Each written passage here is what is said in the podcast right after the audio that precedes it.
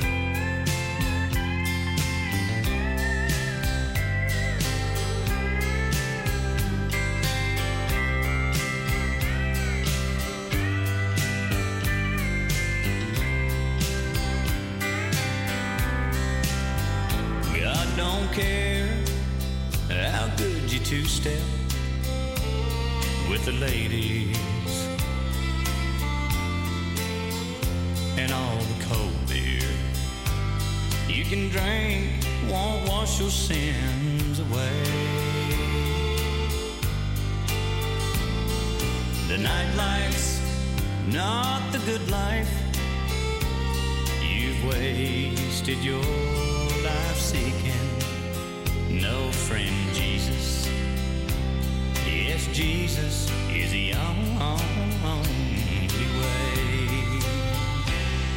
And if I have a habit, it's gonna be Jesus. And if I have a hand,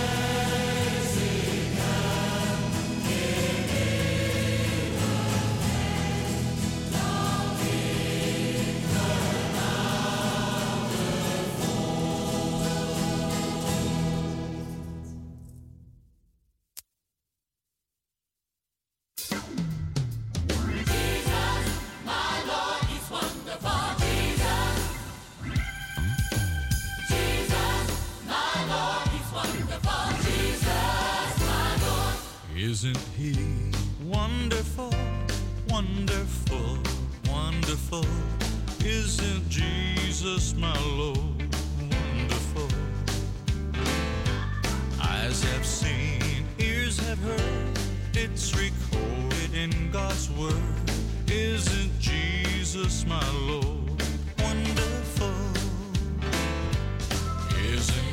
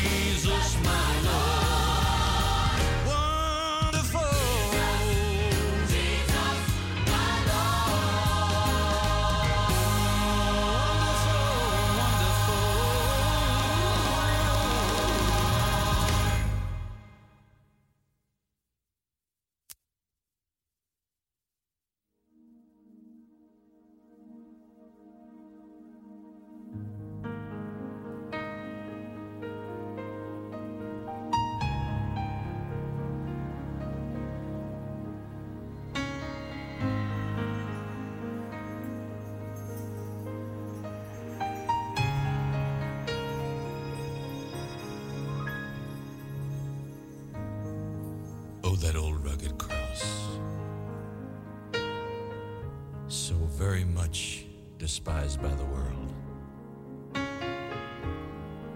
It still holds a wondrous attraction to me.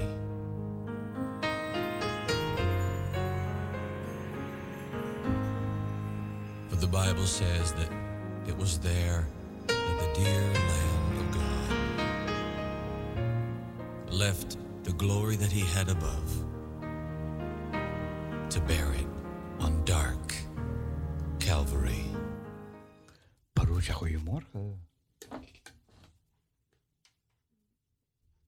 Good morning, hartelijk welkom. We zijn door de klok van 12 uur tot 12 uur. We gaan zegen vragen voor deze nieuwe dag. We dragen deze dag aan u op. We geloven weer in kracht, in leiding, in zegen. U bent heilig, u bent goed, u bent groot, u bent God.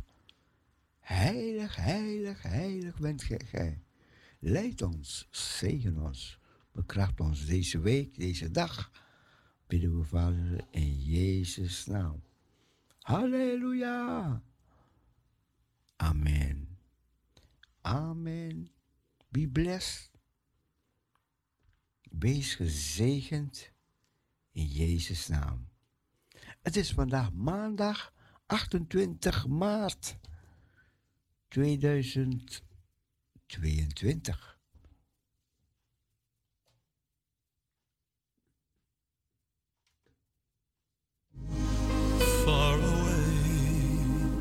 Stood an old rugged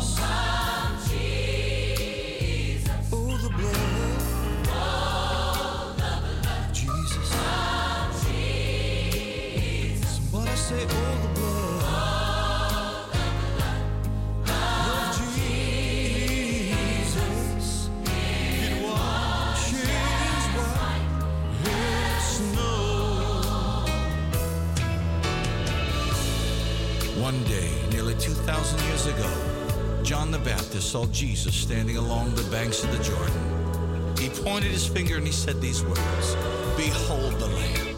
But you see, folks, this lamb isn't just an ordinary lamb. this lamb is from God. And this lamb just doesn't cover, but this lamb takes sin away. Behold the Lamb of God that taketh away the sins of the world. That's why today I can say, I'm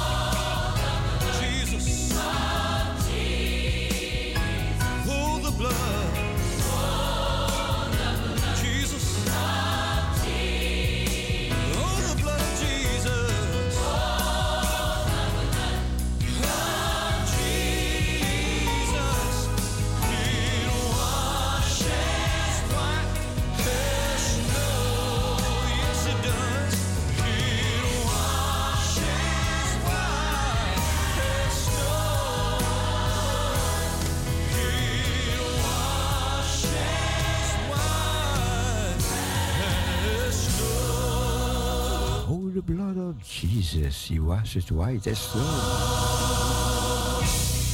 We gaan luisteren naar de dagtekst van vandaag, 28 maart 2022.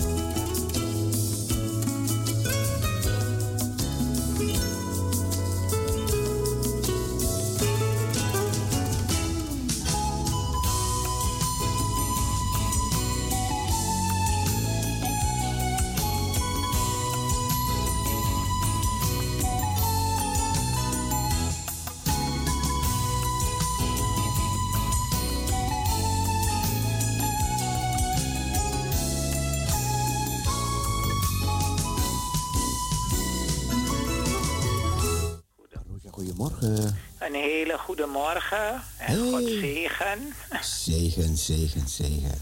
Ja, we Welkom. zijn weer wakker. Zegt Ja. zuster Stappers altijd. Ja, ja, ja, ja, ja. Ja, en we mogen de Heer danken dat we leven Ja, en veilig zijn zo is dat. in een land van vrede. Ja, Ja, dat is om dankbaar te zijn. Iedere dag als ik opsta, besef ik hoe belangrijk het is dat we vrede hebben. Hè? ja. Vrede ja. met God, vrede met de mens. Heel goed dat we dat beseffen, hè. Ja, het is Ja. absoluut belangrijk Ja. geworden. Klopt, klopt. Ja, want overal is onrust en gevaar dreigt. Ja, Maar wij mensen zijn staan elkaar naar het leven. Ja, Volk tegen volk. ja, Ja. Jammer. ja, ja. We moeten er doorheen. En, maar God, God is een goede God. Hè? Amen. Ja, En op hem moeten we vertrouwen met heel ons hart hoor. zo Want als je dat. de Bijbel doorleest, het is absoluut, merk je ineens hè. Nou, je merkt het wel altijd, maar ja. Wanneer je dit voor je ogen ziet gebeuren en je ogen en je oren en het lijkt zo knap dichtbij. Ja, Die oorlog die nu woedt. merk je dat ineens kijk je in de Bijbel en dan merk je dat het volk van God en de kinderen van God in de Bijbel ook veel strijd en moeite en pijn en verdriet en ellende hebben meegemaakt. Hè? Ja, ja, klopt. Door de hele Bijbel heen. Ja. Of je nou rechtvaardig bent of niet rechtvaardig, ze maken van alles mee. Ja. Ja, dat, dat, dat komt nu een beetje op de voorgrond. Je weet het wel. Maar Ja. zo heftig, want ja, het volk van God, Israël in de Oude Testament, heeft ook veel oorlogen moeten meemaken. Ja, klopt. Ja, veel moeten vluchten, Mm, verbannen. Ja, als je die dingen ziet, hè, dan ineens beginnen ze. eh, je wist het wel, maar omdat je natuurlijk in een staat van vrede bent, ja. dan kijk je het met andere ogen en nu besef je hoe kostbaar het is. Maar je beseft ook dat uit allen helpt God ons. Ja. Uit allen en dan word je dankbaar en hoopvol. Hè? En eh, angst verdwijnt, want we hebben geen vrees. eh, Ik heb geen vrees hoor, maar een bewustwording hè, hoe dankbaar we moeten zijn. Ja. Nee, ik heb geen vrees in mijn hart of zo. Of ik denk, nee, ik vertrouw de Heer met mijn ganse hart. Ja. Maar je mag je wel bewust zijn van het leed, van de pijn, van het verdriet, van de shock. Dat gaat echt niet eh, zomaar weg hoor. En dan kunnen we blijven bidden en op Hem vertrouwen. Oké, en hoe is het met jou geweest deze week? Behalve met het bericht van, eh, was het Elisabeth? Nee, Marion. Marion, sorry, sorry, sorry. Marion. Marion Ja. is overleden. leden. Oh ja, ja, ja, ja. Marion. Ja, en weet je ook hoe oud ze was of mag je dat niet zeggen? Ja, maar ik zou het niet precies weten meer hoor. Oh, oké. Was... was het plotseling of en te weten Ja, gekomen? ze had een herseninfarct gekregen. Oh jee. Ja, Oh, ja. Oh. Ja. Dus dat komt plotseling, hè? ja, want zij is van Tasmanië, toch? Ja, Tasmanië. Ja, ja, ja, ik, ik, ik weet het. Ja, En soms had je toch ook liederen van haar? ja klopt. Klopt, toch? Ja. Ja. Oké. Nou, en de familie is daar, of komt ze dan hier, of wordt ze daar begraven? Of Nee, ze is gehoord? begraven. Ze is al begraven, de. 17e, de 17e is ze overleden. Mhm. En eh, ja, een paar lagen terug is ze al begraven. Begraven. Ja, En in Tasmanië zelf? ja. Oké. Ja, ze heeft daar de kinderen. Ja, natuurlijk. Ze heeft het leven Ja, ja, ja. Nou, dat is ook een gemis, hè, maar ze is bij de Heer. Ja, Ja, ja, klopt. Mhm. Klopt. ze is bij de Heer, dat is belangrijk, hè. Ja, het een mooie foto van haar. Was Ja. echt, was echt mooi.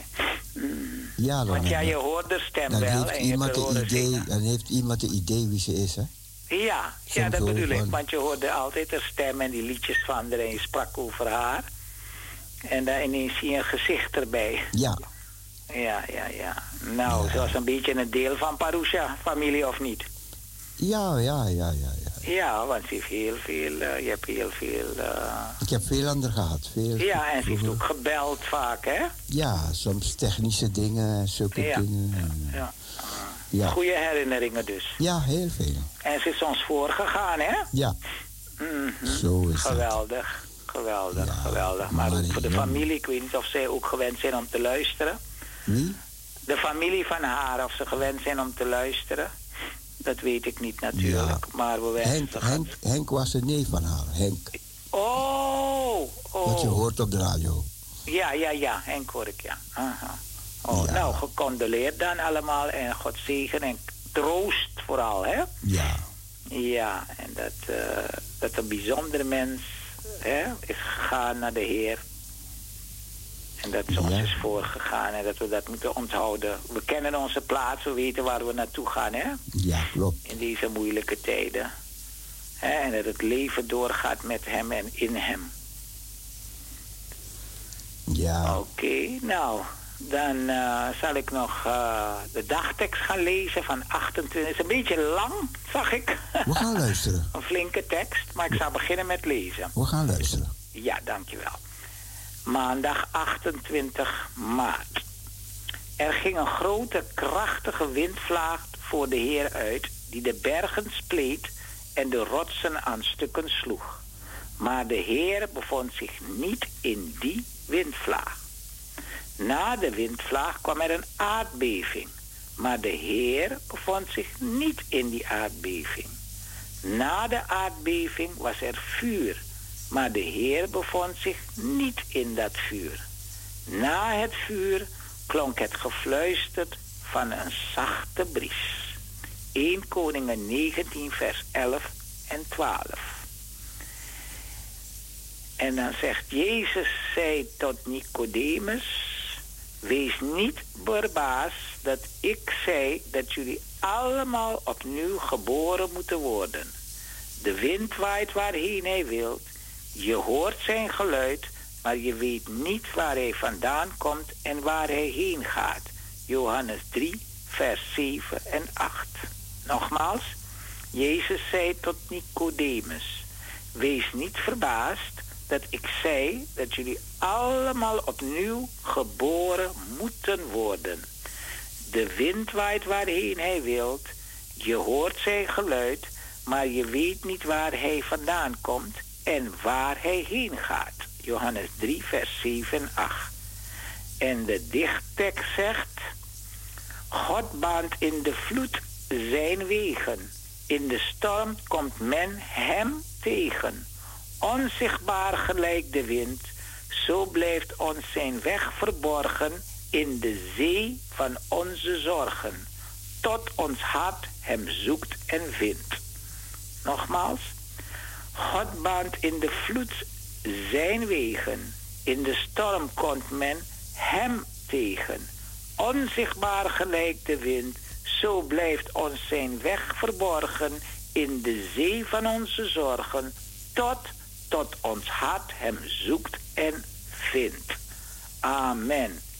Dat is waar. Amen. Het lijkt alsof God zich verbergt, want die bovenste tekst zei het ook. En dan staat hij, dat stukje hebben ze daar niet gezet, maar daar staat eigenlijk dat hij daar in die zachte bries was de Heer, hè? Ja, ja. Zo eindigt het eigenlijk. En dan wil ik graag vragen een lied van het vaderhart, dat over het vaderhart van God gaat voor ons, voor zijn kinderen en voor deze wereld. Hij heeft zijn zoon gegeven voor ons.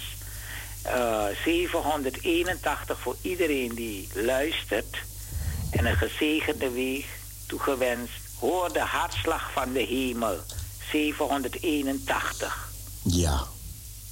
Ik ga draaien. Ja, en jij ook en je gezin een gezegende tijd en we luisteren. Ja hoor. Allemaal de hartelijke groeten. God zegen. Dag, dag allemaal. Groetjes, dag. man. Dag. Zal ik doen. Dag.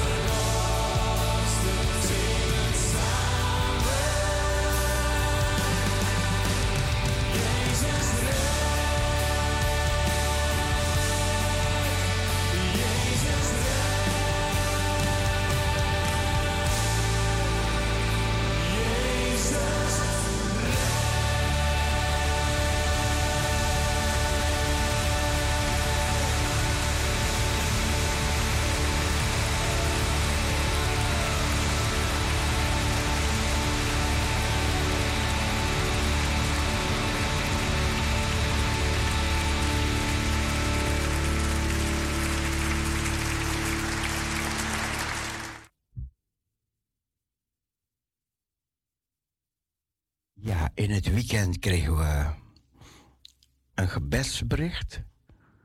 En het laatste was Cecile, goedemorgen.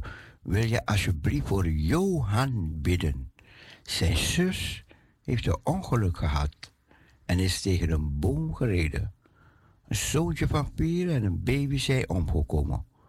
Johan zijn zus wordt geopereerd. Een meisje van twee ligt ook in het ziekenhuis. En Johans hart is gebroken van verdriet. Wat vreselijk om twee kinderen te moeten missen. Johan heeft de hele nacht in het ziekenhuis gezeten om zijn zwager en zus te ondersteunen. Ja, dus het is de zus van Johan, zijn vrienden, zijn broers en zussen in de Heer. En er is gebed gevraagd voor die zus die in het ziekenhuis ligt en ook dat kindje. Er ligt nog een kind. Er zijn twee overleden, Maar er liggen nog twee in het ziekenhuis. Een meisje van twee. Die ligt ook nog in het ziekenhuis, dus daar is er ook gebed voor gevraagd.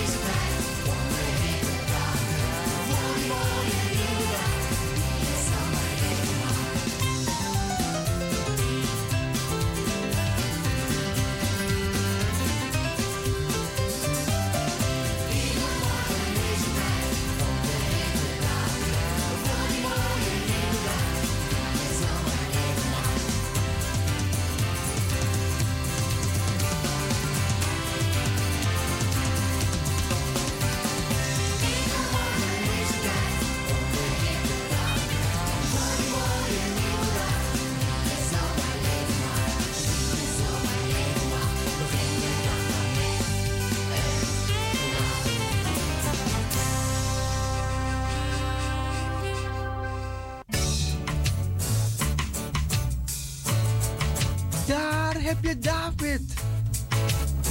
Kleine David.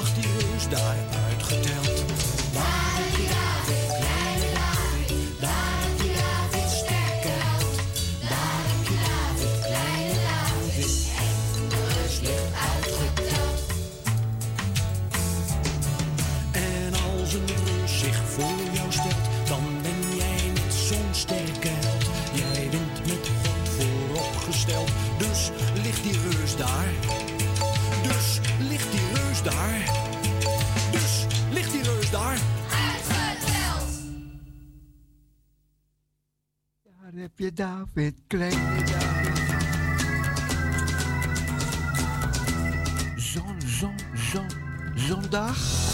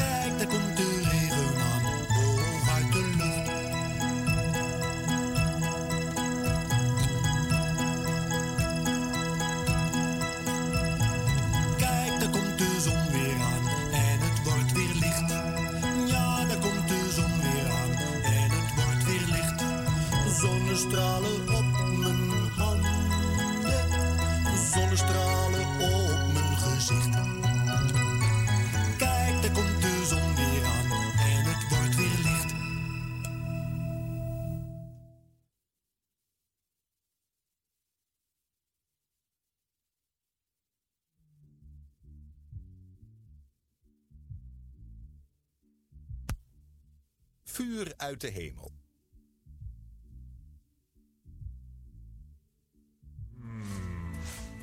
David werd een goede koning. Daarna regeerde zijn zoon Salomo. Nadat Salomo stierf, had het volk van God veel slechte koningen. Koning Agab was een van de slechtste. Zijn vrouw, Isabel, aanbad de afgod Baal.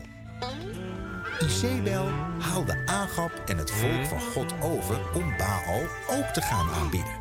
Omdat ze dat deden, hield God een aantal jaren achter elkaar de regen tegen. Toen stuurde hij zijn profeet Elia naar koning Agab. U hebt God niet gehoorzaamd en Baal aanbeden, zei Elia. Vertel iedereen, ook de profeten van Baal, dat ze naar mij op de berg Karmel moeten komen. Ik ga laten zien wie de echte God is. Iedereen verzamelde zich op de berg. Toen zei Elia tegen het volk: Neem een beslissing. Als de Heer God is, volg hem. Maar als Baal zich vandaag laat zien, volg hem dan.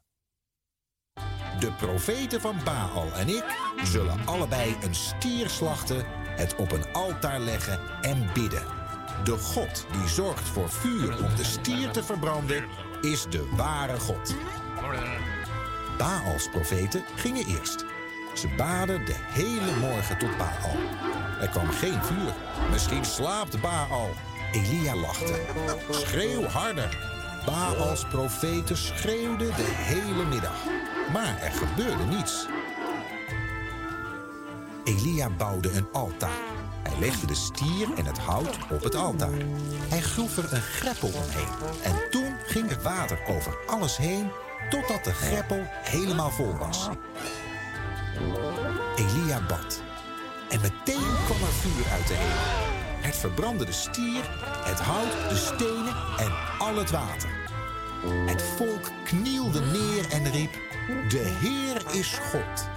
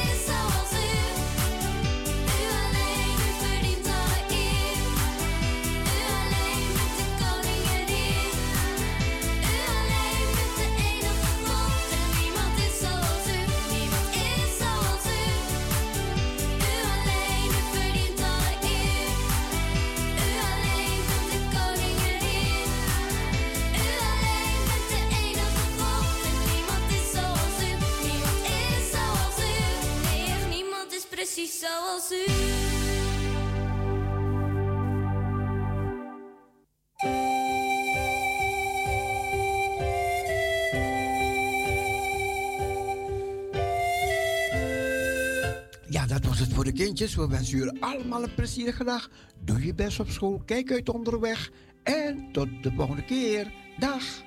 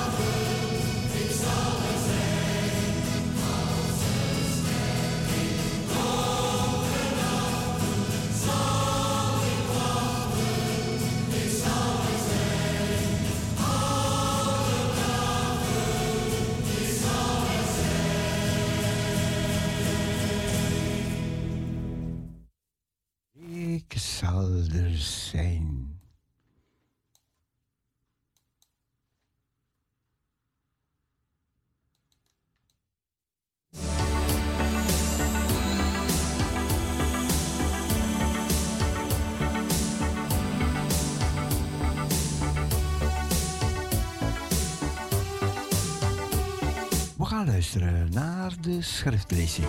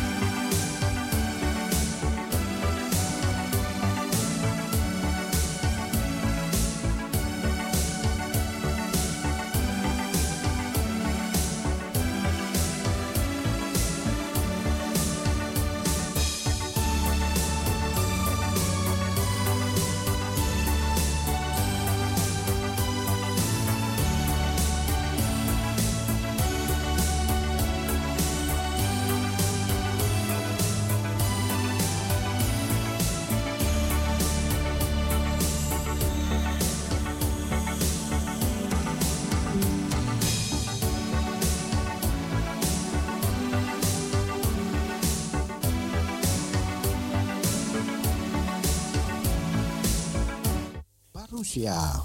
Goedemorgen. Hè, nu kan ik, zeggen goedemorgen. Ik kan niet zeggen een zonnegroet. Nee, nee, nee. Het is een mistige groet. Ja, het, het is, het is niet wat het wezen moet. Ja, maar goed, we hebben, we hebben mooi weer gehad, toch? Ja, ja, ja, ja. Het wordt even nog erger. Ja. Maar ik zie, we gaan naar de 7 graden. Ja. Overdag, overdag. Ja, ja. Maar, maar dan klimt hij weer naar de Ja, 10 graden. Zo is het. Eerst waren de bomen kaal, nu beginnen ze weer blaadjes te krijgen. Ja, ja, Dus ja. Gods schepping, Gods natuur. Hij weet wat hij doet in zijn wijsheid, in zijn alwijsheid. Ja? Ja hoor. Zo is dat toch? Ja. Ja, nou, ik geef u een hartelijke groet hoor. Dank. eh. Ja, u en ja, als ik dit moet zeggen, dan moet ik toch even weer denken aan die Marion. Als ik zeg aan de luisteraars dichtbij en ver weg, Ja, dan denk ik ook aan Marion. Maar goed, ze is er niet, ze is bij haar Heer en haar heiland. ja, ja. En eh, de beste plek waar ze kan zijn. Ja, De Heer heeft haar voor verder lijden bespaard. ja. Hij is de alwetende God. Hij weet alles. En Ik, eh, ik heb haar dochter gevraagd. Ik zeg, stuur de kerkdienst voor me op. Want het was op Facebook. oké. Dus dan ga ik kijken als ik het kan krijgen. Oh, heerlijk zou dat zijn, hè? Ja, Om het, ja, ik kreeg ook afgelopen zaterdag van een, een, een, een, een- ja, de dochter van een eh, eh, vriendin van mij in Suriname. Die bracht de liturgie van haar moeder voor mij. ja. Oh, prachtig, allemaal die liederen weer. Eh, ze zei tegen me, zuster Mien, ik heb voor niemand iets meegenomen, maar voor u heb ik wel een liturgie van mama meegenomen. Ja, Fijn, hè? ja. Met foto en al. Mhm. Want één week voor ik uit Suriname vertrok, ben ik nog bij de mensen geweest. Oh ja, ja, Ik ja. heb met ze gezongen en gebeden. Ja, Prachtig, hè? oké. Ja, en ik heb daarnet ook gebeden Ja. voor Johan. Oh ja, ja, ja, dat u voorlas. Ja, Ik had het gisteren al op het, eh, bij het nieuws vernomen. ja. Van, eh, van die twee kindjes die heen gegaan zijn. En die moeder en die andere dochter. Ja. Die in kritieke toestand in het ziekenhuis liggen. Het is een kennis van Lisbeth die op de radio spreekt. Oh, kijk eens aan. Ja, ja. Dus zij vroeg gebed voor ze. hè? Aha, nee, ik heb meteen ben ik in gebed gegaan. En, eh, en u, had eh, Henk gevraagd om met u contact op te nemen. Heeft hij dat gedaan? Nee, ik heb hem toen bereikt. Maar hij wist van niks. Meent u dat? Hij wist van niks. Hij is geschrokken. Ah, want u was echt geschrokken hoor. Ja, ik was geschrokken. Ja. Nou, Ja, als je zoveel met iemand gepraat hebt, weet je. Want dan... ja. Ja, dan, dan, dan, ja. En ze zal in, eh, in, in onze herinnering blijven voortleven. Want u hebt zoveel liedjes van haar. Ja, klopt. Ja, toch? Ja, ja, ja, ja. Prachtig, man. Zo zijn we met elkaar verbonden door middel van liedjes Ja. liederen, door middel van dagtekstenboekjes, door middel van de Godswoord. Ja, Ja, zijn we met elkaar verbonden. Als broers en zussen. ja, Eén grote godsfamilie. yes. Ja, goed. Nou, dus eh die R's van u zijn straks weg hoor, broer Cecile. Ja, klopt, klopt, Ach, klopt. ach, ach, ach, R's. Deze R is straks voorbij hoor. Ja, nou, eh, ja, we hebben nog eentje. Dan krijgt u nog één. Ja. Die doet wat hij wil, ja, ja. Ja. Nou, die maart van u U kunt het goed uitspreken, ik niet. Dus Nee, uw maart is straks voorbij. Oké, Nog oké. drie dagen en dan is hij voorbij. Ja, ja, ja, Dan ja. krijgt u die, die, die, die A van u. Ja. April doet wat hij wil. Ja, ja, Ja. maar goed. Dan krijgen we die, weer die andere maanden, lentemaanden en zomermaanden. Ja, En prachtig. eh, de klok is weer één uur vooruit. Ja, ja, ja, ja. Ja, heel wat mensen waren vergeten om die klok vooruit te zetten. Ja. Voor ik ging slapen had ik het al- allemaal één uur vooruit gezet hoor. Oké, oké. Ik wacht nooit tot twee uur in de ochtend. Ja, Anders verslaap je en dan ben je de volgende morgen helemaal in de war. ja, klopt. Met, met, met, met het tijdstip. Ja. Maar goed, We gaan naar u luisteren. jawel. Luisteraars, ik heb twee schriftlezingen voor u. De eerste is uit Psalm 116. En daar staat aan de als titel gered uit doodsgevaar. Ik heb de Heere lief, want hij hoort mijn stem, mijn smekingen. Want hij heeft zijn oor tot mij geneigd. Daarom zal ik mijn leven lang tot hem roepen. Banden van de dood hadden mij omvangen. Angsten van het dodenrijk hadden mij aangegrepen. Ik ondervond benauwdheid en smart. Maar ik riep de naam des Heeren aan. Ach, Heere, red mijn leven. Genadig is de Heer en rechtvaardig. Onze God is een ontfermer. De Heere bewaart de eenvoudigen. Ik was verzwakt, maar Hij heeft mij verlost. Keer weder, mijn ziel, tot uw rust, omdat de Heere u heeft wel gedaan. Want gij hebt mijn leven van de dood gered, mijn oog van tranen, mijn voet van aanstoot. Ik zal wandelen voor het aangezicht des Heeren in de landen der levenden. Ik heb geloofd, zelfs toen ik sprak. Ik ben zeer verdrukt toen ik in mijn angst zeide, alle mensen zijn leugenachtig. Hoe zal ik de Heere vergelden al de weldaden jegens mij? De beker der verlossing zal ik opheffen. Ik zal de naam des Heeren aanroepen. Mijn geloften zal ik de Heere betalen in de tegenwoordigheid van al zijn volk. Kostbaar is in de ogen des Heeren de dood van zijn gunstgenoten.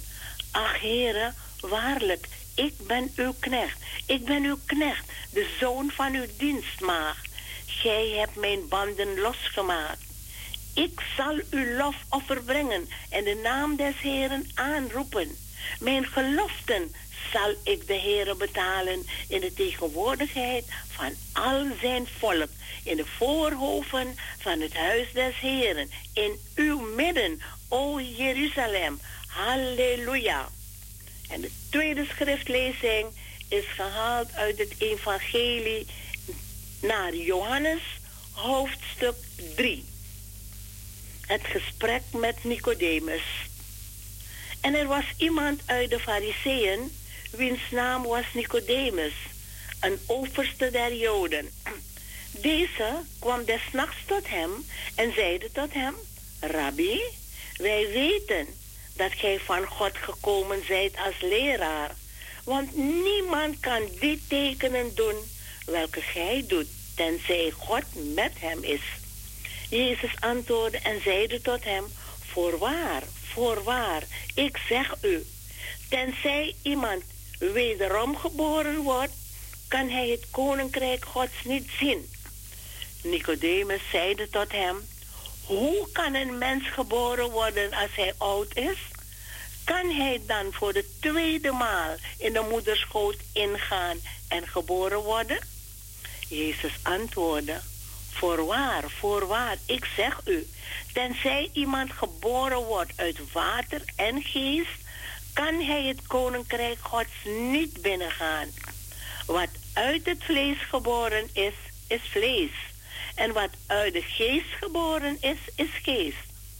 Verwonder u niet dat ik u gezegd heb, gij lieden moet wederom geboren worden. De wind blaast waar, waarheen hij wil en gij hoort zijn geluid, maar gij weet niet van waar hij komt of waar hij heen gaat. Zo is er ieder die uit de geest geboren is. Nicodemus antwoordde en zeide tot hem, hoe kan dit geschieden? Jezus antwoordde en zeide tot hem, Gij zijt de leraar van Israël en deze dingen verstaat gij niet? Voorwaar, ik zeg u, wij spreken van wat wij weten en wij getuigen van wat wij gezien hebben en gij neemt ons getuigenis niet aan. Indien ik u lieden van het aardse gesproken heb, zonder dat gij gelooft, hoe zult gij geloven wanneer ik u van het hemelse spreek? En niemand is opgevaren naar de hemel dan die uit de hemel nedergedaald is, de zoon des mensen. En gelijk Mozes de slang in de woestijn verhoogd heeft, zo moet ook de zoon des mensen verhoogd worden, opdat een ieder die gelooft in hem eeuwig leven hebben.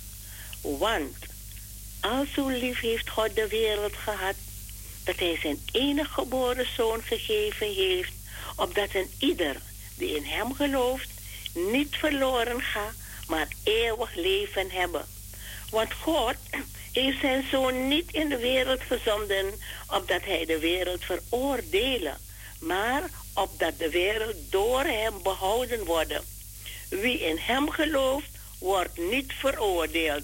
Wie niet gelooft, is reeds veroordeeld, omdat hij niet heeft geloofd in de naam van de enige geboren Zoon van God. Dit is het oordeel dat het licht in de wereld gekomen is en de mensen de duisternis liever gehad hebben dan het licht. Want hun werken waren boos.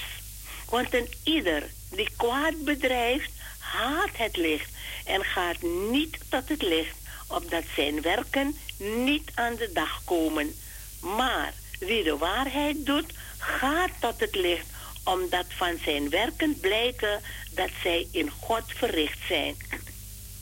Het getuigenis van Johannes over Jezus.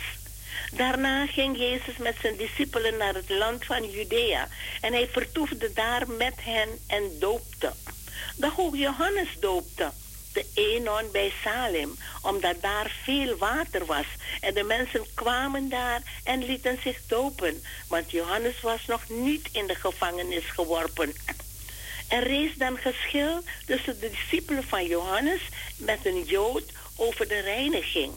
En zij kwamen tot Johannes en zeiden tot hem, Rabbi, die met u was aan de overzijde van de Jordaan en van wie, en van wie gij getuigd hebt, zie, die doopt en allen gaan tot hem. Johannes antwoordde en zeide, geen mens kan iets aannemen of het moet hem uit de hemel gegeven zijn. Gij kunt zelf van mij getuigen dat ik gezegd heb, ik ben de Christus niet, maar ik ben voor hem uitgezonden. Die de bruid heeft, is de bruidegom. Maar de vriend van de bruidegom die erbij staat en naar hem luistert, verblijdt zich met blijdschap over de stem van de bruidegom. Zo is dan deze mijn blijdschap vervuld. Hij moet wassen, ik moet minder worden. Die van boven komt, is boven allen. Wie uit de aarde is, is uit de aarde en spreekt uit de aarde. Die uit de hemel komt, is boven allen. Wat hij gezien en gehoord heeft, dat getuigt hij. En zijn getuigenis neemt niemand aan. Wie zijn getuigenis aanvaard heeft, bezegeld, pardon, wie zijn getuigenis aanvaardt, heeft bezegeld dat God waarachtig is. Want hij die God gezonden heeft, die spreekt de woorden Gods. Want hij geeft de geest niet met mate. De vader heeft de zoon lief en heeft hem alles in handen gegeven. Wie in de zoon gelooft, heeft eeuwig leven. Doch wie aan de zoon ongehoorzaam is, zal het leven niet zien, maar de toren Gods blijft op hem. Ik las u voor uit Psalm 116 en uit het Evangelie naar Johannes, hoofdstuk 3. Zalig allen die het woord van God horen, het in hun hart bewaren en ernaar trachten te leven. Amen, amen. Amen. Cecile, ik wens u een gezegende draaitijd. God zegen voor u. God zegen voor alle luisteraars. Kunt u alstublieft afdraaien. Opwekking 509.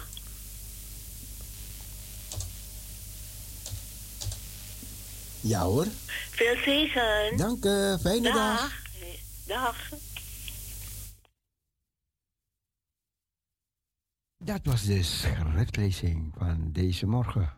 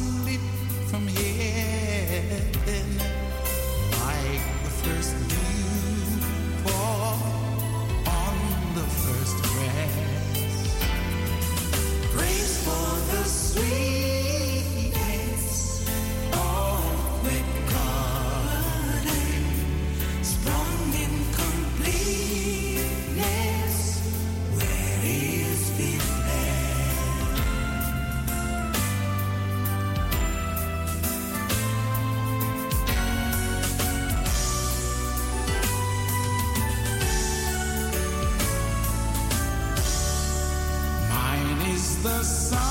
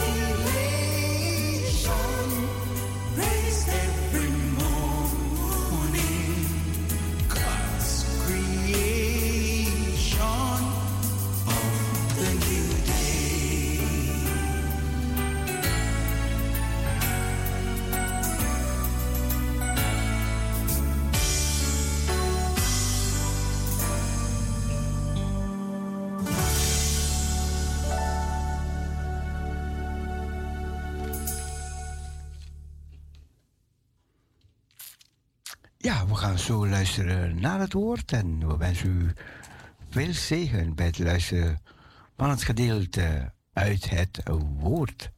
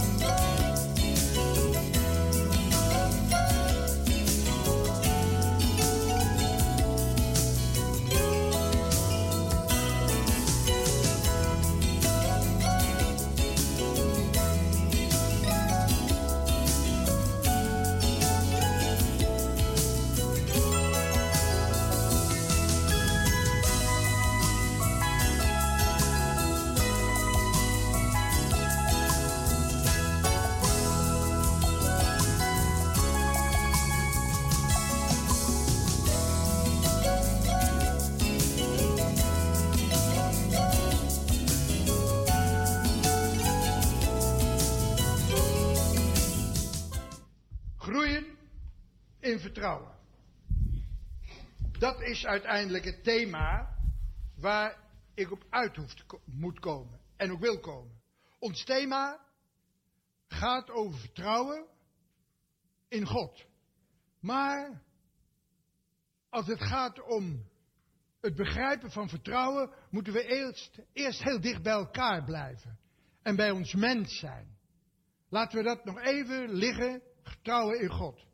We worden als kind geleerd om vertrouwen te hebben in je ouders, in mensen die je ontmoet. Wat is dat eigenlijk? Vertrouwen. Je vertrouwen geven aan een ander. Kijk, als kind begin je je vertrouwen te geven aan je vader en je moeder. En dat lukt. Tot het moment dat die ander jou teleurstelt. En zo gaat het in het leven voortdurend. Hoeveel mensen kent u in uw directe omgeving waar je vertrouwen in hebt? Denk eens na. Oké, u zult er misschien enkele hebben.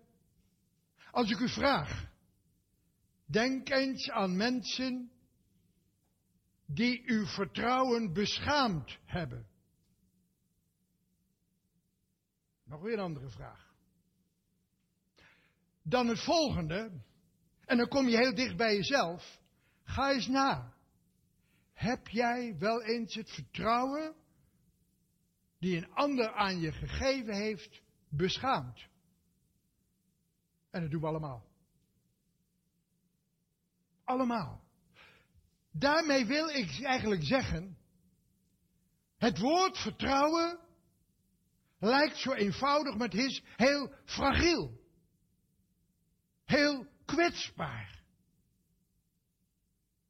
En het is een onderwerp waar je alleen maar over kunt nadenken op een goede manier als je heel dicht bij jezelf blijft.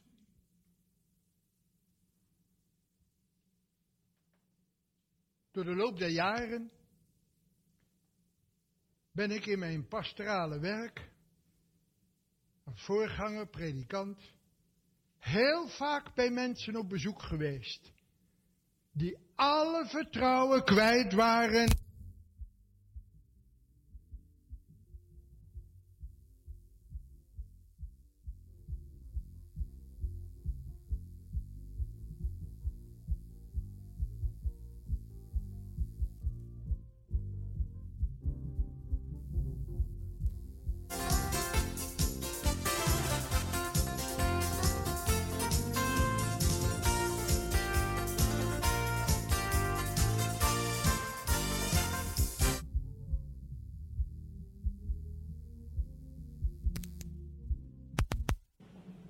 In de kerk, in de voorgangers, in de raad, in de mede-oudsten en de medegelovigen. En uiteindelijk is God aan de beurt. Geen vertrouwen meer in God. Ook geloof wel hoor, wordt er dan gezegd. Maar het gaat niet over geloof. Geloof, dat kun je met je verstand doen. Maar het is onmogelijk je vertrouwen te geven aan iemand puur met je verstand. Want je vertrouwen geven is iets van jezelf, wat van jou is, wat je koestert omdat je weet dat het kwetsbaar is, aan een ander geven. Vandaar dat er ook mensen zijn die zeggen, ik vertrouw niemand meer. Je hoeft er bij mij niet mee aan te komen, want ik ben zo teleurgesteld.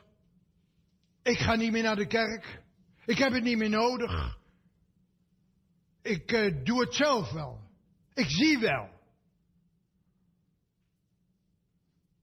En het zijn mensen die geen vertrouwen hebben in een ander, die niet doorhebben dat als je zo leeft, je in je eigen binnenste, dat wat voor jou is, iets laat groeien, wat je hele leven op de kop zet. De teleurstelling maakt dat mensen eenzaam zijn, cynisch worden, bitter worden, onbereikbaar. Allemaal het gevolg daarvan. Ongelukkig hebben wij in de Bijbel voorbeelden staan van mensen die echt vertrouwen hebben.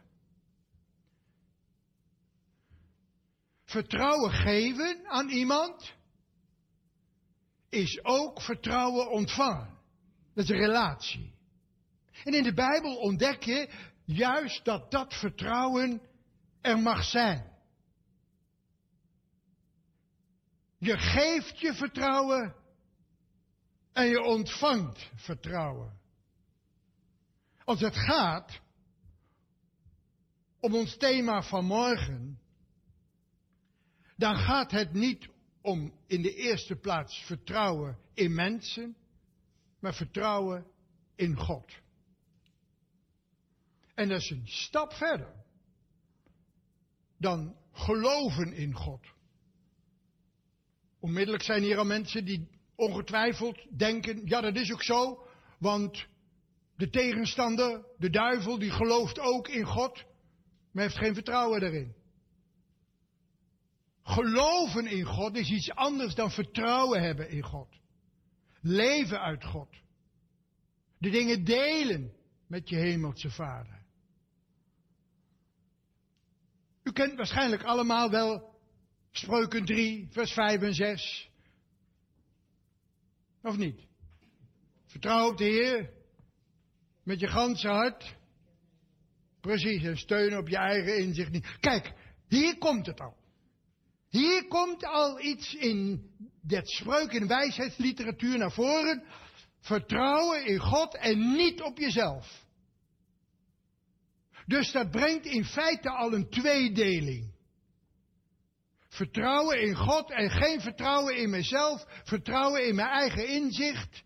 Nou, dat hebben we zojuist ook al even gelezen. Dat het nodig is dat wij in ons leven leren zien wat werkelijk vertrouwen is. Vertrouwen hebben in God, wat dat betekent. En ik heb u al gezegd, in de Bijbel vinden wij fantastische voorbeelden van mensen die vertrouwen hebben in God. Onvoorwaardelijk geloven, God is erbij. Ik kan allerlei wat onbekende mensen noemen. Maar laten we maar twee hele bekende nemen. Die echt laten zien in hun leven wat niet alleen geloof is, maar vertrouwen hebben. Als we denken aan Abraham. Abraham die zijn zoon Isaac moet offeren. Gaat verder dan geloven, hè? Begrijpen we. Als je je zoon, je enige zoon, moet offeren. En dan zie je ze gaan.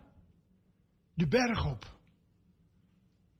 En die enige zoon die vraagt aan zijn vader, vader we hebben hier van alles bij ons, maar waar is het brandoffer? Vol vertrouwen antwoordt zijn vader aan Isaac. God zal zichzelf daarin voorzien. Maar hij wist helemaal niks. Hij wist helemaal niks van wat God zou doen. Het slachtoffer, Abraham, je zoon. Kunt u zich voorstellen wat dat betekent? Wat vroeg God van Abraham? Had hij niet het volste recht om tegen God te zeggen, maar Heere God, u vergist zich. Heere, u kunt alles van mij vragen, maar dat niet. Dat heb ik wel eens gezegd. Ik heb het wel eens tegen God gezegd. Nou, ik weet één ding, dat moet je nooit tegen God zeggen. Want dan kan het wel zo zijn dat God zegt, maar ik wil het je wel leren.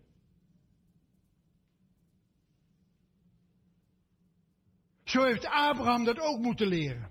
Als u de geschiedenis leest in Genesis 17, 18, 19, als u Abraham volgt op zijn levensweg, dan zie je op een gegeven ogenblik dat er situaties zijn dat hij wel gelooft in God, maar gehoorzaamt aan Sarah.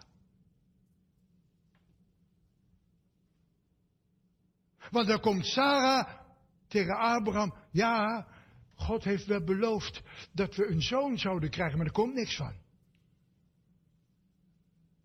Abraham, ik heb een heel goed voorstel. Als ik nou een van mijn slavinnen aan jou geef. En die wordt als het ware jouw vrouw. Dat is toch een goed deal? Vind je niet? En zegt Abraham, nou Sarah, dat is nog niet zo gek. Misschien krijgt dan een zoon. Bij Hagar. En gebeurde. Hij geloofde in God, maar was hij op de weg van God? We weten allemaal het antwoord. Je kunt dus een kind van God zijn, geloven in God en weten waar het om gaat en toch nog je eigen weg gaan.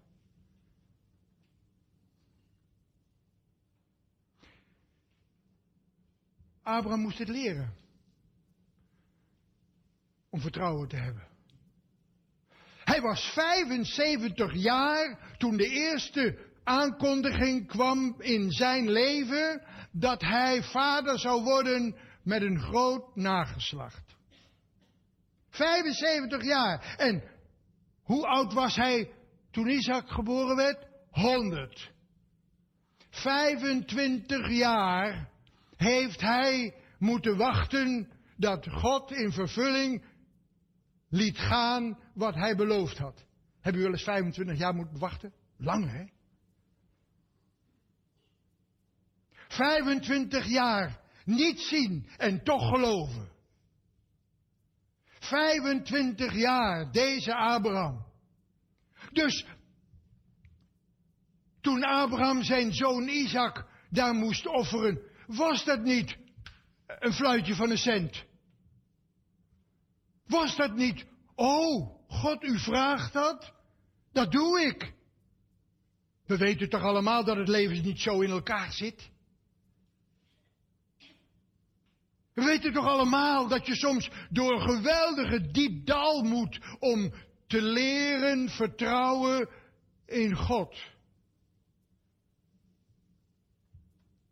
Ik kan er niet verder over uitweiden, maar we hebben het heel dichtbij meegemaakt in onze familie. En nog. Heere God, u bent erbij, maar we willen zo graag zien. We willen zo graag datgene wat we in uw hand hebben gelegd terug ontvangen. Heere God, dat u laat zien dat u een God bent van nabij.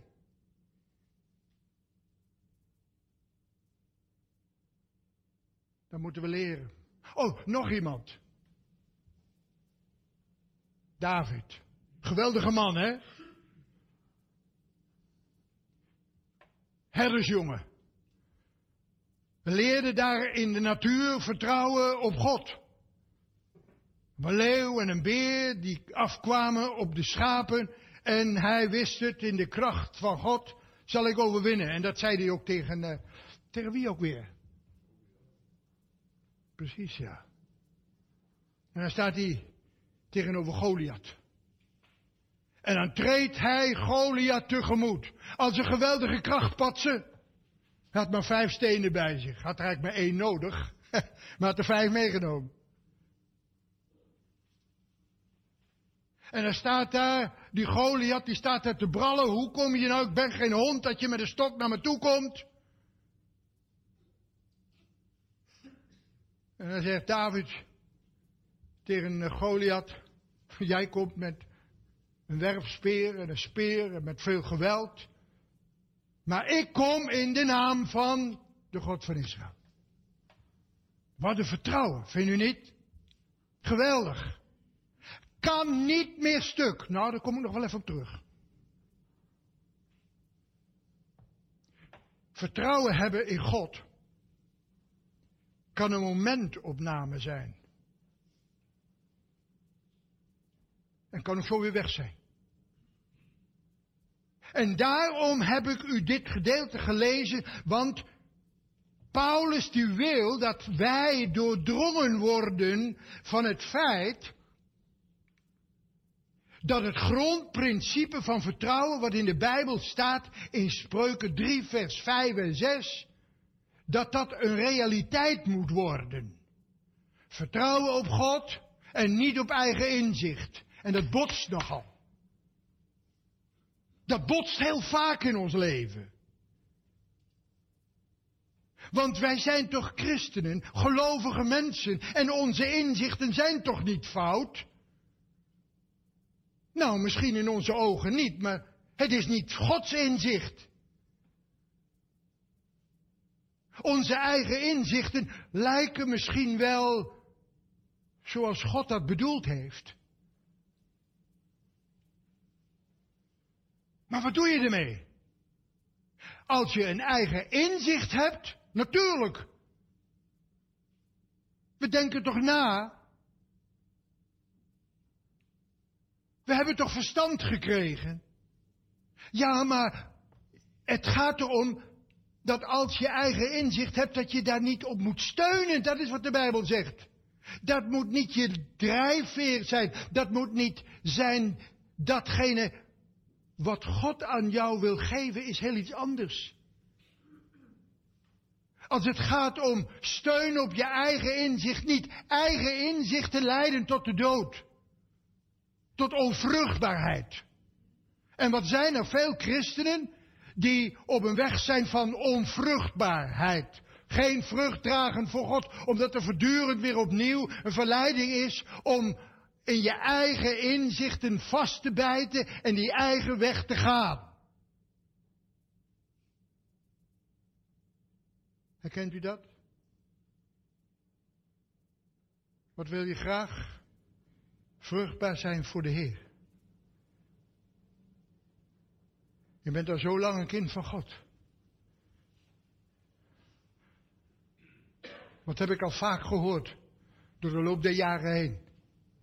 Wat heeft God nou aan mij? Wat heeft de hemelse vader nou aan mij? Ja, u. En altijd maar wijzen. Ja, die. En ik. Hoe zou dat komen? Hoe is het in jouw leven? Hoe is het in mijn leven? Kom ik wat dichter bij mezelf als het gaat om vertrouwen te hebben in God?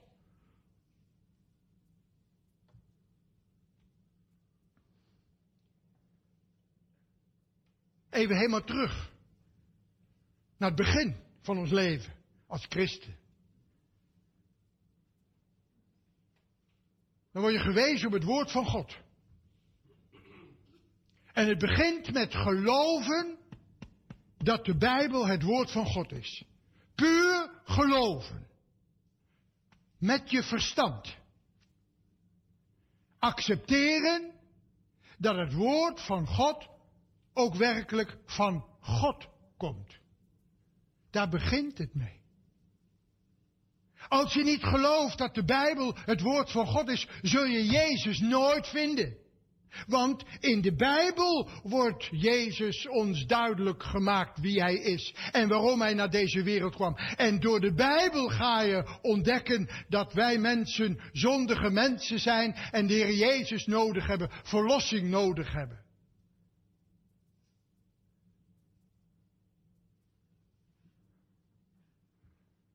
Als we dan de Bijbel lezen en we geloven in God, dan ga je tegen degene zeggen die tot geloof wil komen in Jezus, dat het gaat om je leven geven aan Jezus. Jezus mag je aanvaarden als je tot bekering komt, dan laat je Jezus toe in je leven. En daar begint het vertrouwen mee, lieve mensen. Dus daarom moet je altijd vragen, is het nodig bent u een kind van God. Want dan pas leren wij vertrouwen op God als we God kennen in ons leven.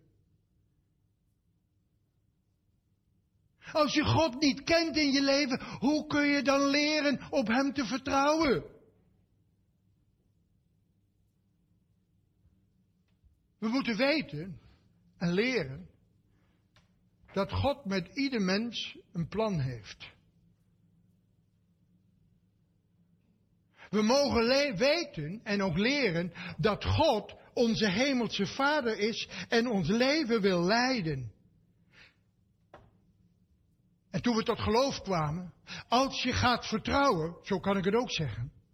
Als je gaat vertrouwen, de allereerste keer in je leven, op de Heer Jezus Christus, als je gaat zeggen in je leven, en dat doen we misschien altijd allemaal anders. Maar het gaat erom dat je je bewust bent in je binnenste dat je Jezus Christus aanvaard hebt in je leven. Wat gebeurt er dan?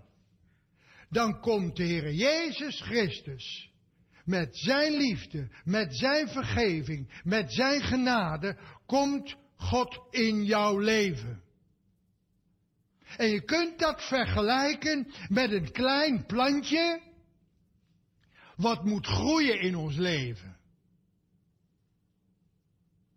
Groeien in vertrouwen. Nu kom ik daar al. Groeien in vertrouwen betekent dat wij leren vertrouwen hebben in Jezus. Wij kunnen nooit dat plantje wat God in ons gelegd heeft laten groeien. Dat is het werk van God. Maar we kunnen het wel tegenhouden. We kunnen nooit het werk van de Heilige Geest vervangen. Dat wat God aan ons gegeven heeft, is van Hem. En Hij wil het laten groeien in ons leven. We kunnen het wel tegenhouden. En hoe houden we tegen? Je eigen inzicht volgen. Niet luisteren naar het woord van God. Je eigen mening. Je eigen mening zetten op precies dezelfde niveau als de, de Bijbel ons weergeeft de mening van God, de weg van God. Als we gaan discussiëren over de weg van God. Als we gaan discussiëren over de Bijbel, als we het beter weten. Dan groeit je geloof niet. Dan groeit je vertrouwen niet.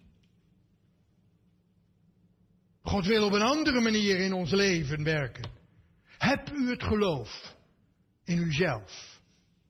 Zo in je binnenste. Dat God jouw leven kent. Heb ik er vertrouwen in. En geloof in.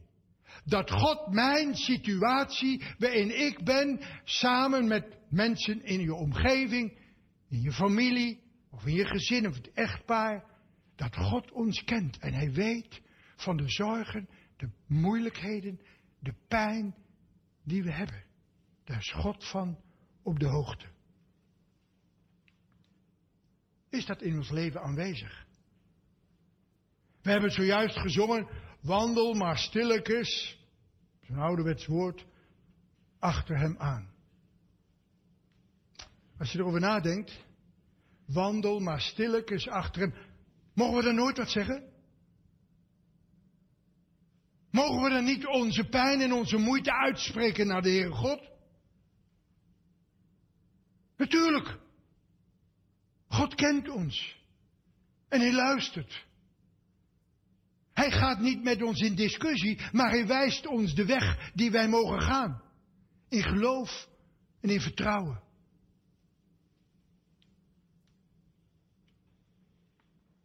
Dat is zo mooi. Het gedeelte.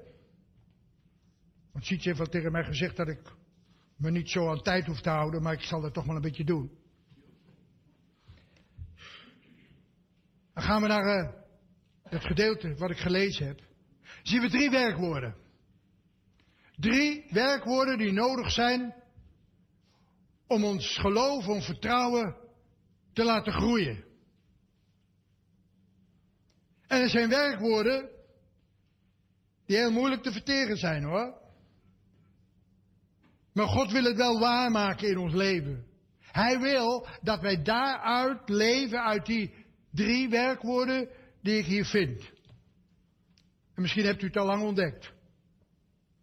Blijdschap, bidden en vrede met God. Allereerst beginnen we met de blijdschap. Verblijd u altijd in de Heer. Wie kan dat? Hoe kun je verblijden in de Heer? Je zult maar in de problemen zitten. Oh, natuurlijk, u denkt dan natuurlijk direct aan de Bijbel, aan eh, Paulus en Silas, die zitten in de gevangenis in Filippi. En dan zitten ze daar in het donkerste eh, plek van, van die gevangenis. En ze gaan zingen. Wie gaat er nou zingen in zo'n situatie? Dan moet je toch niet goed bij je hoofd zijn. Als er staat, verblijft u in de Heer ten alle tijden, dan, ja, hoe zit het dan? Wat hier staat, daar bedoelt Paulus mee te zeggen, jij hebt je moeilijkheden, maar God is er ook.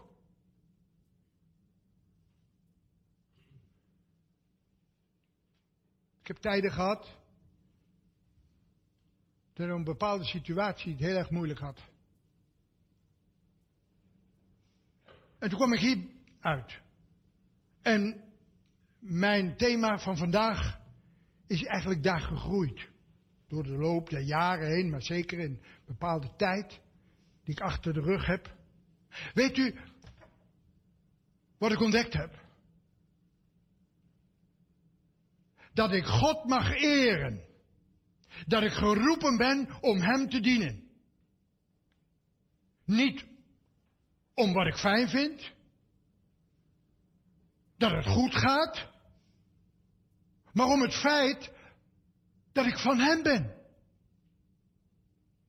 Dat Hij mijn vader is. Dat Hij mij gekocht en betaald heeft om Hem te eren. Het gaat om God in ons leven.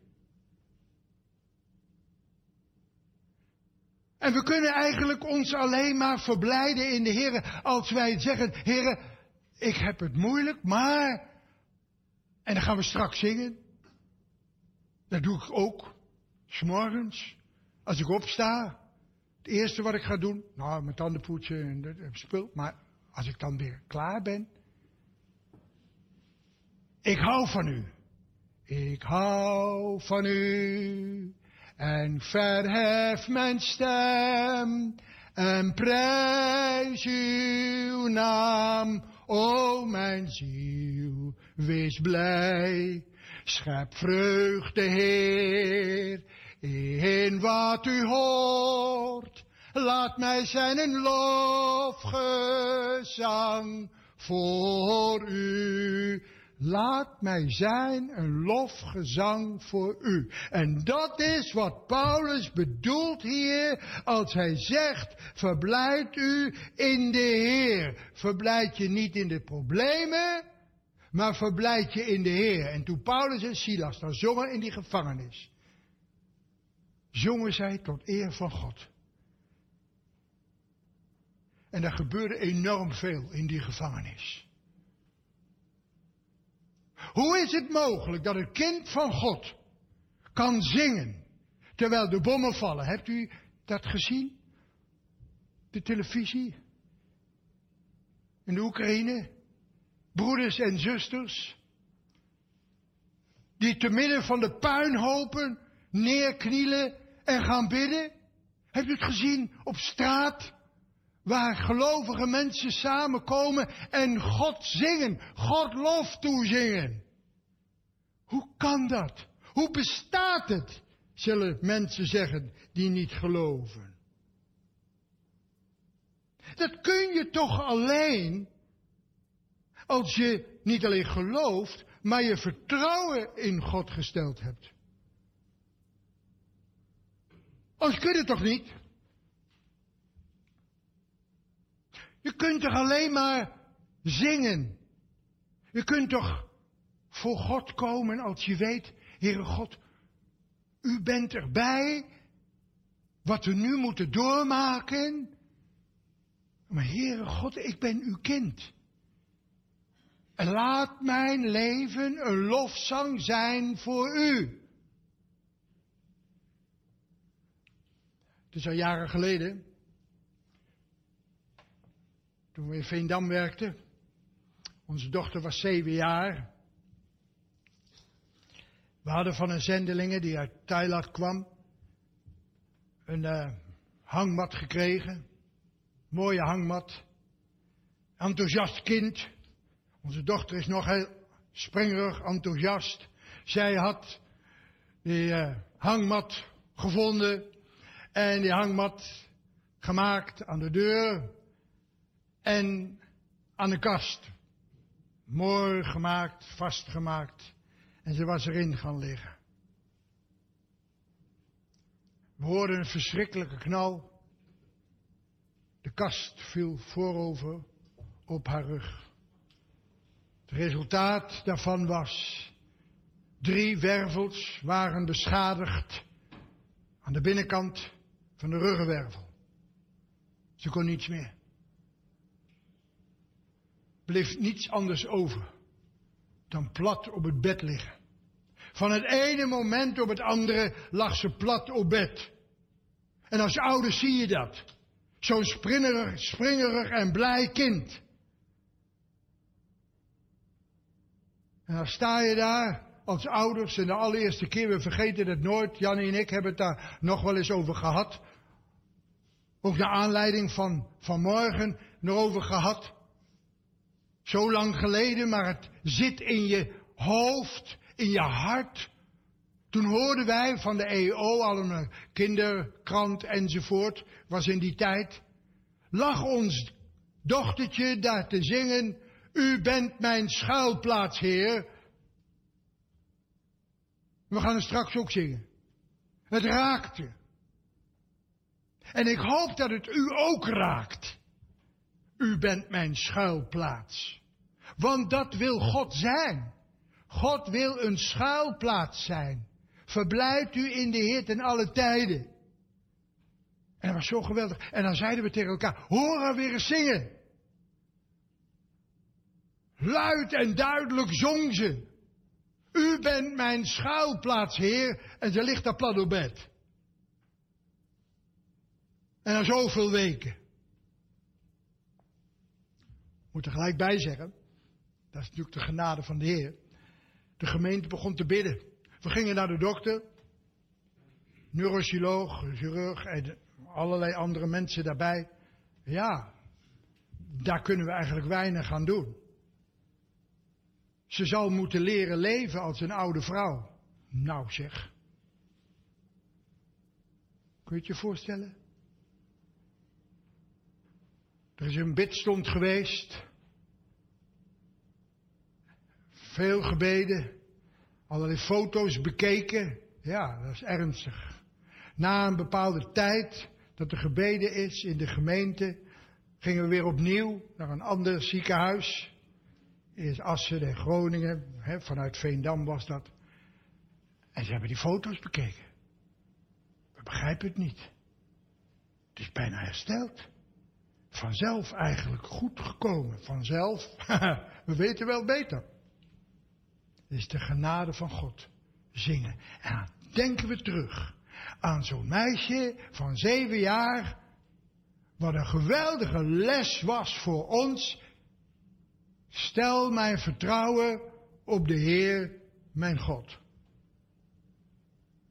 Dus dat betekent, verblijd je in de Heer los van de omstandigheden. En het leert ons Nehemia ook. Los van de omstandigheden. Dus vreugde vinden in de Heer is een toevlucht. Dat is een toevlucht. We kennen allemaal waarschijnlijk wel Habakkuk. Laatste versen van Habakkuk.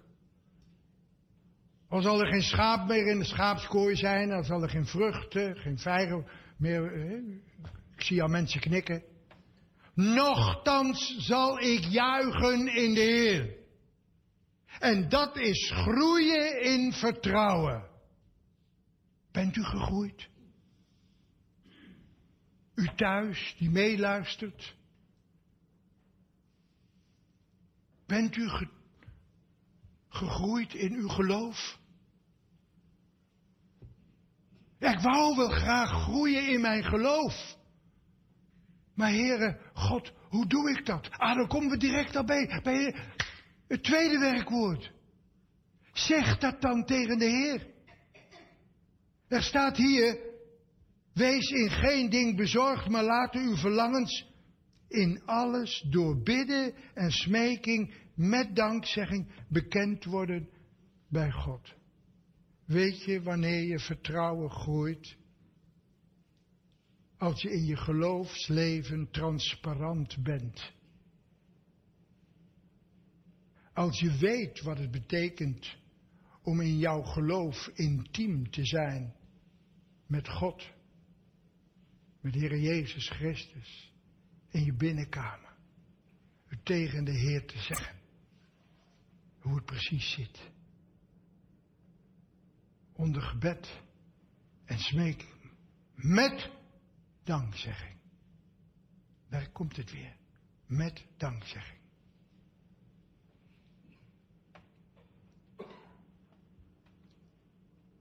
Goed, ik wil verder gaan. Het derde. Vrede van God. Dan komt de vrede van God. De vrede van God komt als je leert, los van omstandigheden, God te eren, te loven en te prijzen om wie Hij is.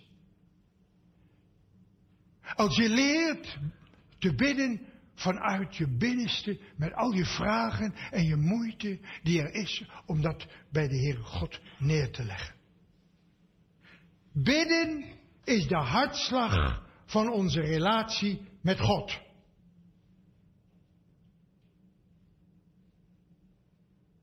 Nog een keer. Bidden is de hartslag van onze relatie met de Heer. Hoe zit het met mijn hartslag? Hoe zit het met uw hartslag? Als die gezond is, als die goed is, dan heb je rust. Want als het gaat om vertrouwen, moet je aan twee dingen denken. Twee begrippen. Dat is rust en veiligheid. Rust in God en veilig in Jezus' armen. Dat is vertrouwen hebben. De rust vinden in de Heer. Voel je je opgejaagd? Hoe komt het nou? Dat je geen rust kunt vinden. Misschien moet je weer terug naar het eerste. Leren God te danken, los van de situatie waarin je bent. Bidden in geloof en vertrouwen. En de vrede van God zal dan ook in ons leven komen. Het is zo mooi dat hier staat. En de vrede van God die alle begrip te boven gaat. Alle begrip gaat het je te boven. Je begrijpt het niet meer. Maar het is zo. Je begrijpt het niet hoe het kan, maar God geeft jou rust en vrede in de situatie waarin je bent. Dat is fantastisch. En je weet ook, ik moet en ik mag bij de Heer blijven. Want er staat hier, en de God van de vrede, die alle verstand te boven gaat, zal uw harten en uw gedachten bewaken in Christus Jezus. Leven vanuit de vrede van God en wij kunnen daar, we zijn daar zelf verantwoordelijk voor, of je wel of niet wilt leven uit die vrede, want de Heer biedt het ons aan. Ga die weg achter de Heer Jezus aan. Als die vrede van God in ons leven blijft, dan zullen wij ook voortdurend luisteren naar wat de Heere God dit ons te zeggen heeft. We hebben het over Abraham gehad. Weet u dat hij, eh, deze Abraham tegen Sarah, zijn vrouw, al eens gezegd heeft: Je moet maar liegen. Weet u dat? Sarah moest liegen. Werd opgestookt door Abraham. Geloof je dat? Hoe kan dat nou? Zijn gedachten bewaken in Christus. Eh, nog even. Nog duidelijker. David. Ho, wat heeft David laten zien? Oh. En toen hij eh, als koning op het dak van zijn paleis wandelde. Hij was in de Heer. Was hij in de Heer? Had hij de vrede van God in zijn hart? Toen hij op...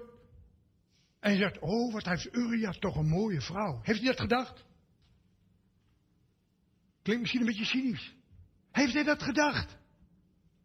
Nou, volgende keer moet ik Uriah feliciteren met zo'n vrouw. Hoe heet die eigenlijk? Ja, iemand, ja, dat is Batsheba. Nou, ik moet Uriah feliciteren, want fantastisch. Is dat zo gegaan?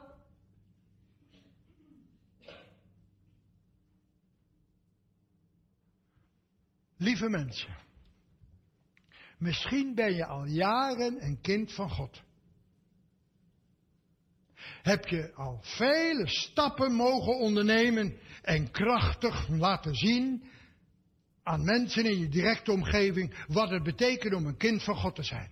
Maar, denk erom, we hebben onze eigen gedachten. Daarom is het noodzakelijk dat onze gedachten bewaakt worden. Waarom staat er bewaakt worden? Beschermd worden staat ook in de grondtekst, kun je die woorden daar vertalen. Bewaken, beschermen, behoeden.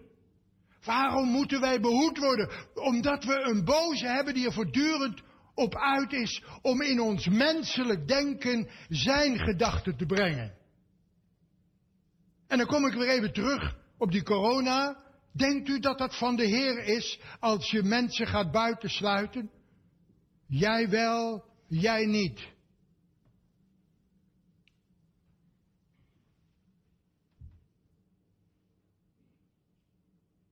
Soms moet je er eens goed over nadenken. Hoe zit dat nou? In mijn leven.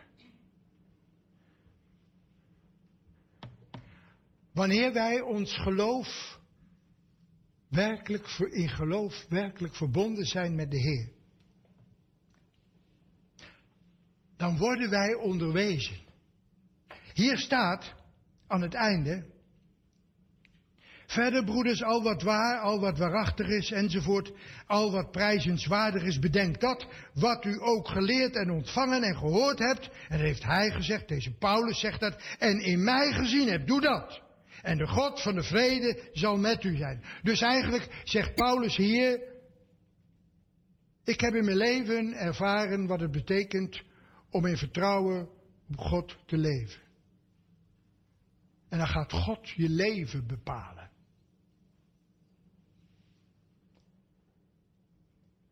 Ik las in een dagboekje dat we gekregen hebben, een paar dagen geleden, iets moois dat ik dacht dat moet onthouden. Als ik dan in de kapel ben, dan ga ik het tegen jullie zeggen. Dus dat heb ik niet uit mezelf. Heel veel mensen, als het gaat om een view van bovenaf, lijken op een kronkelige rivier, maar ook op het feit dat God ook je leven kan bepalen. Als we Nederland gaan bekijken, zo werd er geschreven, van bovenaf, dan zie je rivieren en je ziet kanalen. Rivieren zijn waterstromen die de gemakkelijkste weg zoeken.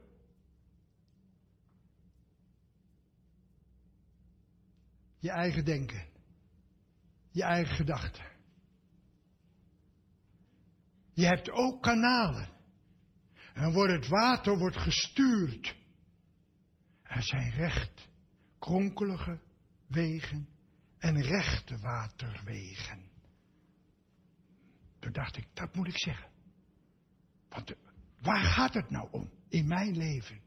Dat in mijn leven niet een kronkelige rivier openbaar wordt, maar dat mijn leven mag zijn als een kanaal van zegen. Here, hier ben ik. Paulus heeft gezegd in Efeze dat we vernieuwd moeten worden in ons denken. Dus als het gaat om het onderwerp vertrouwen en het doordenken van vertrouwen in God, dat begint ook met het anders worden in je hoofd. Anders leren denken. Hoe denken wij als kind van God? Op een andere wijze dan mensen die God niet kennen. En weet u, en nou stop ik hoor, zo langzamerhand. Wat is de vrucht van een gegroeid, een vertrouwen, wat gegroeid is van een klein plantje tot eer van God? Dat is toewijding. Toewijding aan God komt niet van het ene moment op het andere. Toewijding is een groeiproces in vertrouwen. Here, ga uw gang. Neem mij. Vul mij. Zend mij. Dat is groeien in vertrouwen. Lieve mensen, u hier in de kapel. U die thuis meeluistert. Groei in het vertrouwen. En nu gaan we zingen. Ik zeg, ik zeg nu aan. Maar nu gaan we zingen. We gaan twee korte liederen zingen. Het eerste is uit Johan de Heer 970. 970 gaan we zingen. En dan daarna 997. Dus 970 en 997. We gaan het eerste zingen. Stel mijn vertrouwen op de Heer mijn God. Kent u allemaal, denk ik wel. En dan gaan we nou twee keer zingen, omdat we een mooi kort koor, twee keer zingen. En dan gaan we daarna zingen, als we dat twee keer Ja, tot zover het gedeelte uit dit woord.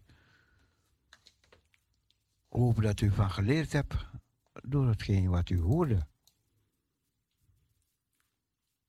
We nemen u mee naar de klok van 12 uur.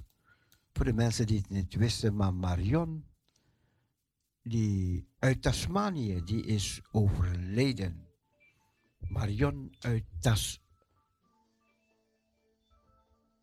Tasmanië. Parousia, goedemorgen. Ja, broer Cecile, nog een keer met mij. Ja, met Min. mij. Ja, Min. Ja, Ja, bedankt.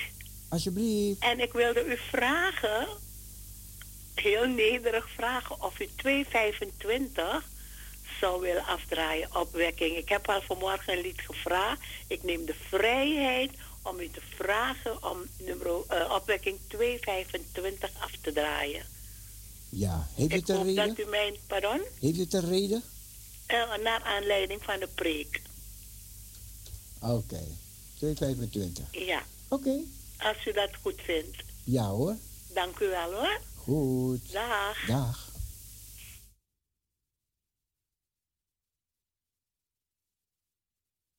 Even kijken, snel opzoeken.